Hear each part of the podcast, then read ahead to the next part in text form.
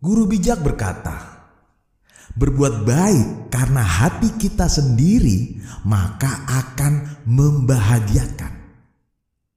Tetapi kita berbuat baik karena agar dinilai baik dari orang lain, maka akan jauh melelahkan."